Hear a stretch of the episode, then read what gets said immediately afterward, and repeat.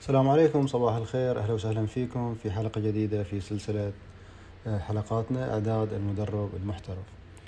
حتى الواحد فينا يتطور وينمي من نفسه ويصير مدرب محترف أو يحقق نجاحات أخرى في حياته يحتاج إنه يكون عنده يعني نفس السلوكيات نفس العادات نفس ال mindset ال mindset أو التفكير اللي يفكروا فيه الناس الناجحين. آه، قل من تشبه بقوم إلا أوشك أن يكون منهم. إذا أنت قاعد تحاول تحاكي ناس ناجحين فأنت راح توصل سواء طال الزمن أو قصر الزمن. فإحنا بدل ما نقعد نجرب بشكل عشوائي الأفضل إن إحنا نستفيد من الدراسات ومن الأبحاث اللي قاموا فيها الناس اللي سبقونا. فواحدة من هذه الدراسات والدراسات اللي اشتهرت بشكل كبير جدا كتاب العادات السبع للناس الأكثر فعالية حق ستيفن كوفي. ستيفن كوفي درس الناس خلال 25 سنة فحط خلاصة دراسته خلاصة, خلاصة متابعته إلى الناس الأكثر فعالية في سبع عادات. فقال يعني بما مضمون الكلام إن النجاح يعتمد على المبادئ. هذا كانت هو تفكيره وكان يعني خلاصة تجربته. طبعا إحنا ما نبغى نقتصر بس على كتاب العادات السبع أو نقتصر على هذه الدراسة ونقول إن النجاح ما نقدر نحصل أو ما نقدر نوصل إلا من طريق واحد. هذا الكلام غير صحيح أو غير دقيق. النجاح عادة يكون له طرق لا محدودة. ولكن أقصر الطرق هي اللي تكون يعني إلى ناس سبقون أو نتبع ناس أو نسلك نفس المسلك أو السلوك اللي تبعوه أشخاص قبلنا في بيئات شبيهة إلينا. أحيانا البيئة لما تتغير يصير السلوك أو يصير الطريق عقباته شوية تختلف. ولكن المبادئ واحدة. فاللي نبغى نقوله من هذا الكلام إن النجاح نقدر نوصل إليه أو نقدر نحقق نتائجنا لما يكون عندنا سلسلة من العادات وهم كذلك طرق تفكير محددة بالإضافة إلى أمور أخرى. اليوم إحنا ما نبغى نتكلم عن الأمور الأخرى هذه كلها نبغى نلم الموضوع ونطلع بفائدة يعني آه، فنبغى ناخذ اليوم فائدة من كتاب العادات السبع حتى نقدر كوقود إلى أن نقدر نمارس أو نقدر نواصل آه، رحلتنا باتجاه احتراف التدريب. فستيفن كوفي يقول أن النجاح عادة يكون جزئين رئيسيين. أول شيء الواحد قبل لا يفكر في نجاحات على مستوى مجموعات كبيرة. المفترض إنه يفكر على المستوى الشخصي في البداية. يعني الواحد يبدأ بنفسه وبعدين يحاول ينمي ويطلع من هذه الدائرة الصغيرة ويحاول يصير نجاحاته أكبر ويوسع الدائرة بشكل أكبر. فأول شيء أو في البداية العادات الأساسية اللي تخلي الواحد يقدر يحقق نتائج يعني طبعا ما في واحد فينا إلا ويكون عنده أهداف محددة. يعني أحيانا مثلا واحد عنده ضغوطات مالية ويحتاج إنه يزيد من دخله. أحيانا واحد عنده آه، مثلا مشاكل صحية ويحتاج إنه يحسن من صحته. أحيانا واحد عنده مثلا تحديات اجتماعية وهكذا. كل واحد فينا يكون عنده واحد مقبل على زواج واحد مقبل على دراسة في الجامعة أو اختيار تخصص أو فكل واحد فينا عنده تساؤلات وعنده أهداف يبغى يوصل إليها ويبغى يحققها. فيقول في البداية الواحد يفكر على مستوى الدائرة الصغيرة دائرته الشخصية. ففي عادات أساسية للناس الأكثر فعالية تقريبا ثلاث عادات أساسية. هذه العادات إذا قدرنا نطلع بها اليوم من هذا المقطع الصغير فإحنا قطعنا شوط كبير جدا على المستوى الشخصي. فالعادة الأولى يقول العادة الأولى هي عادة تحمل المسؤولية أو عادة البرو أكتف اللي يسميها أو عادة المبادرة. فيقول عادة المبادرة ما تتأتى أو ما تصير عند الشخص أو ما تنوجد عندنا إذا ما كان عندنا قناعة ذاتية قناعة قوية إن إحنا المؤثر الأكبر في حياتنا. إذا واحد ينتظر إن الظروف كلها تتغير حواليه حتى يوصل لنجاح محدد فهذا الشخص قاعد يضيع وقته أو إنه ما قاعد يتحرك بشكل صحيح. فإحنا حتى نبدأ نتقدم في حياتنا لابد نفكر بهذه الطريقة إن إحنا مسؤولين عن النتائج اللي تصير في حياتنا. طبعا لا جبر ولا تفويض. إحنا يعني مؤمنين ونعرف إن كل الأمور اللي قاعد تصير في حياتنا ما تخرج عن قدرة وسلطة وحكمة الله سبحانه وتعالى. ولكن اللي نبغى نقوله إن الأمر بين أمرين يعني أمر لا هو جبر ولا هو تفويض. فالواحد يسعى وسعي حثيث وعنده يقين وإيمان إن أنا لما أسعى راح أحصل راح أحصل النتائج اللي أنا أسعى لتحقيقها. وكل ما سعيت وما وصلت راح أغير طريقي. وأنا في النهاية لو كانت من حكمة الله إن أنا ما أوصل إلى هذا الهدف اللي أنا حطيته فثق تماما إن الله راح يدخر إلي في الآخرة وراح يعطيني عليه أضعاف مضاعفة. فالواحد ما يتخوف من مسألة أن أنا يمكن يكون هذا الشيء مو من رزقي مثلا أو هذا الشيء الله ما يبغى يعطيني وياه الآن. لا خلي إيماننا أكبر وعقليتنا متفتحة أكثر إن إحنا نبغى لما نسعى أن إحنا إلينا تأثير في حياتنا. دائما نحط هذا الشيء قدامنا وفي ذهننا في, في أذهاننا ونخليه يرتكز بشكل كبير حتى يظهر في سلوكنا آه، على شكل سعي وعلى شكل حركة. فالواحد دائما يفكر إن أنا لي تأثير كبير في حياتي وعلشان كذا دائما أبادر وأتحرك وأحاول إني آه، يعني أخطي خطوات مختلفة حتى أوصل إلى النتائج المرغوبة. عندي نتيجة محددة أسعى إليها بطريقة ألف مثلا. طريقة ألف ما جابت لي نتيجة أغير إلى طريقة ب. الهدف نفسه السلوك قاعد يختلف. فهذه العادة رقم واحد. ما نطول فيها أكثر. العادة رقم اثنين الواحد يبدأ والمنال في ذهنه. يعني يبدأ والهدف في رأسه. لا يبدأ حياته لا يبدأ يومه بدون ما يعرف وش الحاجات اللي يبغى يحققها. حاول تبدأ على الأقل بهدف واحد صغير كل يوم. أنا الآن ببدأ يومي. بكرة مثلا أفكر. أنا الآن وأنا مثلا على السرير بنام. أفكر على الأقل في هدف واحد. هدف أبدأ بهدف واحد. أقول بكرة أنا إن شاء الله أبغى أحقق شغلة محددة.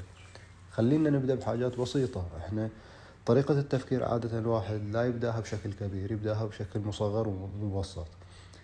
فأبدأ بهدف واحد صغير. أعلم نفسي أن أنا دائما أحط لي target وألحقه وأحققه.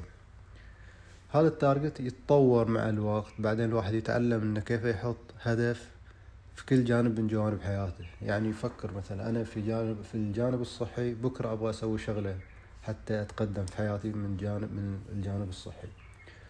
من ناحية الجانب المالي أنا مثلا أبغى أقرأ لي ربع ساعة في أمور تتعلق بالأمور المالية حتى أفهم الأمور المالية بشكل أكبر. أبغى مثلا أحقق هدف في الجانب خليني أقول في عملي أو في الجانب الاجتماعي أو في الجانب الأسري مثلا. وهكذا يبدأ الواحد. طبعا العملية تاخذ وقت فالواحد يحتاج إنه يتدرب ويمارس بشكل كبير حتى يوصل إلى هذه المستويات آه، لما يوصل إلى هذا المستوى الليفل اللي بعده الواحد يقدر يحط أهداف بعد أسبوع أنا أبغى أحقق هدف معين. لا بعدين الملكة تصير عنده أكبر وأكبر. خلال أنا هذا الشهر أو خلال شهر أو خلال ثلاثين يوم أنا أبغى أوصل إلى هذه النقطة. خلال تسعين يوم أبغى أوصل لهذه النقطة. فيبدأ الواحد يقدر يفكر على مدى بعيد وخاصة لما يكون عنده متابعة جيدة ولما يكون الهدف كبير يقدر يقطعه ويوزعه على أهداف صغيرة أسبوعية وشهرية ويومية آه، فهذا بالنسبة إلى آه، الواحد كيف يبدأ والمنال في ذهنه. الناس الناجحين دائما عندهم أهداف وأهداف يبغوا يوصلوا إليها باستمرار. أه، ما يبدأ حياته بشكل يومي أو بشكل عشوائي لا دائما عنده في شيء في ذهنه يبغى يوصل إليه. فإحنا لازم نبني هذه العادة عادة كتابة الأهداف وعادة تصورها ووضعها في الحسبان ونخلي reminder في كل مكان أو شيء يذكرنا بأهدافنا باستمرار لين ما تصير جزء من تفكيرنا.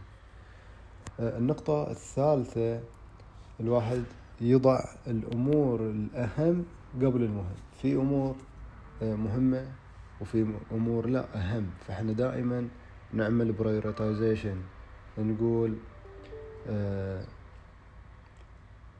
أي سلوك نبغى نسلكه كيف نقدر نصنفه؟ هل هو من الأمور الغير مهمة؟ هل هو من الأمور المهمة؟ هل هو من الأمور الأهم؟ آه، في جدول يتكلم فيه ستيفن كوفي يحاول هو يقيم الأمور بناء على المهم والطارئ أو غير المهم وغير الطارئ. يقول في أمور مهمة طارئة في أمور مهمة غير طارئة في أمور أصلا غير مهمة لكنها طارئة في أمور غير مهمة وغير طارئة. فالواحد يحاول أنه يصنف السلوكيات اللي قاعد يسعى عليها في حياته باستمرار على هذا الأساس. يمكن هذا التفصيل ذكرته في إحدى المقاطع فما أبغى أكرر مرة ثانية حتى المقطع ما يصير عليكم طويل. فهذه الأمور الثلاثة الأساسية هي اللي تساعد الشخص إنه يحقق نجاحات على المستوى الشخصي. إذا قدر يعدي هذا الليفل يبدأ الآن يفكر كيف أنا أقدر أحرز نجاحات على المستوى المجموعي. فأول فكرة أول عادة يقول إن الناس الأكثر فعالية دائما يفكروا بمبدأ وين وين أنت تنجح وأنا أنجح. يقول للأسف الناس الغير ناجحين يفكروا بطريقة مختلفة. يعني بعضهم يفكروا أنا أنجح وأنت تخسر أو يفكروا أنت تنجح على حسابي أنا يعني أنت تنجح وأنا أخسر. أو بعضهم طريقة تفكيره علي وعلى أعدائي. أنا خسران وأنت خسران. أنت تخسر وأنا أخسر. وهذه الطرق طبعا من التفكير طرق مريضة تعتبر. فكيف الواحد يفكر دائما بطريقة أنت تنجح وأنا أنجح؟ العادة الخامسة هي عادة آه، الواحد يحتاجها في عادة النقاش يحتاجها في التفاوض يحتاجها في التواصل.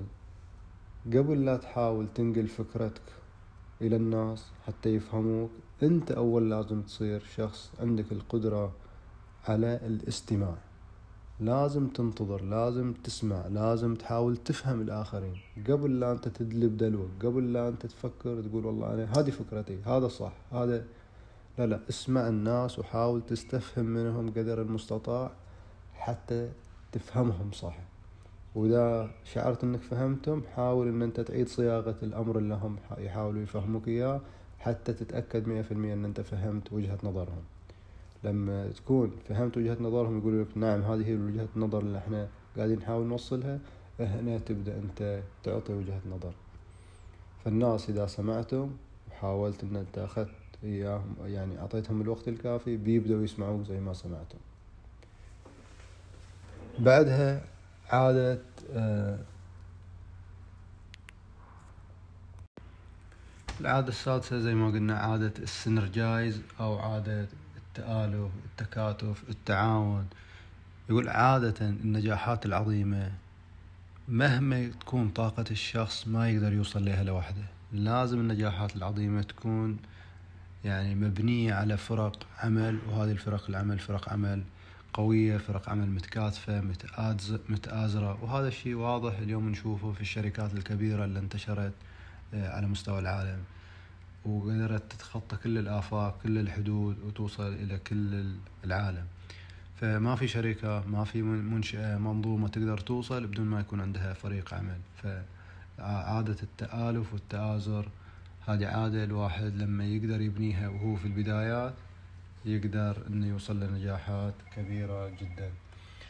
العادة الأخيرة شحذ المنشار وشحذ المنشار عادة يقول دائما يخلي الواحد عنده ريمايندر وتذكير إلى نفسه. يقول شحذ المنشار يقول تخيلوا عندكم مزارع أو تخيلوا عندكم حطاب هذا الحطاب يبغى يقطع الأشجار ولكن ما يسن أو ما يشحذ المنشار وش يصير؟ يصير خلاص يبدأ يبذل مجهود بعد فترة لما يتفلم هذا المنشار أو لما يوصل إلى مرحلة ما هو سنين أو ما هو حاد. يبدأ يحاول يقص ولكن للأسف المنشار ما يقص. فيقول إحنا في حياتنا نفس الشيء لما تمر علينا ظروف وظروف وظروف. ما يكون عندنا شيء يعني في تنفيس في ترويح عن النفس وهم كذلك نذكر أنفسنا بأهدافنا باستمرار لا نوصل إلى مرحلة أن السلوكيات اللي نسويها أو اللي نقدمها باتجاه أهدافنا تضمحل وتضمر وتتناقص شوي شوي لين ما تصير بعدين سلوكياتنا أو الأكشن اللي ناخده عشوائي ومو باتجاه مركز وبعدين نفقد كثير من يعني طاقتنا بشكل عشوائي. فعادة شحذ المنشار اللي يسميها شحذ المنشار أو or sharpen the saw هي عادة إن تخلينا دائما on track دائما مركزين وعاملين focus باتجاه النتائج اللي نبغى نحققها. فهذه أهم العادات اللي ذكرها ستيفن كوفي أو العادات السبع وهي عادات يعني استغرق في فلترتها خلال خمسة وعشرين سنة حتى يطلع بخلاصة صغيرة. خلاصة إن إحنا إذا اتبعنا هذه العادات وبشكل مستمر وبشكل يومي وخليناها فعالة عندنا راح نشوف تقدم كبير ملموس في حياتنا. آه، فأتمنى تطلعوا بهذه النتيجة وأتمنى أن أنتم تطبقوها في حياتكم وتبدأوا تشوفوا النتائج المثمرة وتحياتي في أمان الله.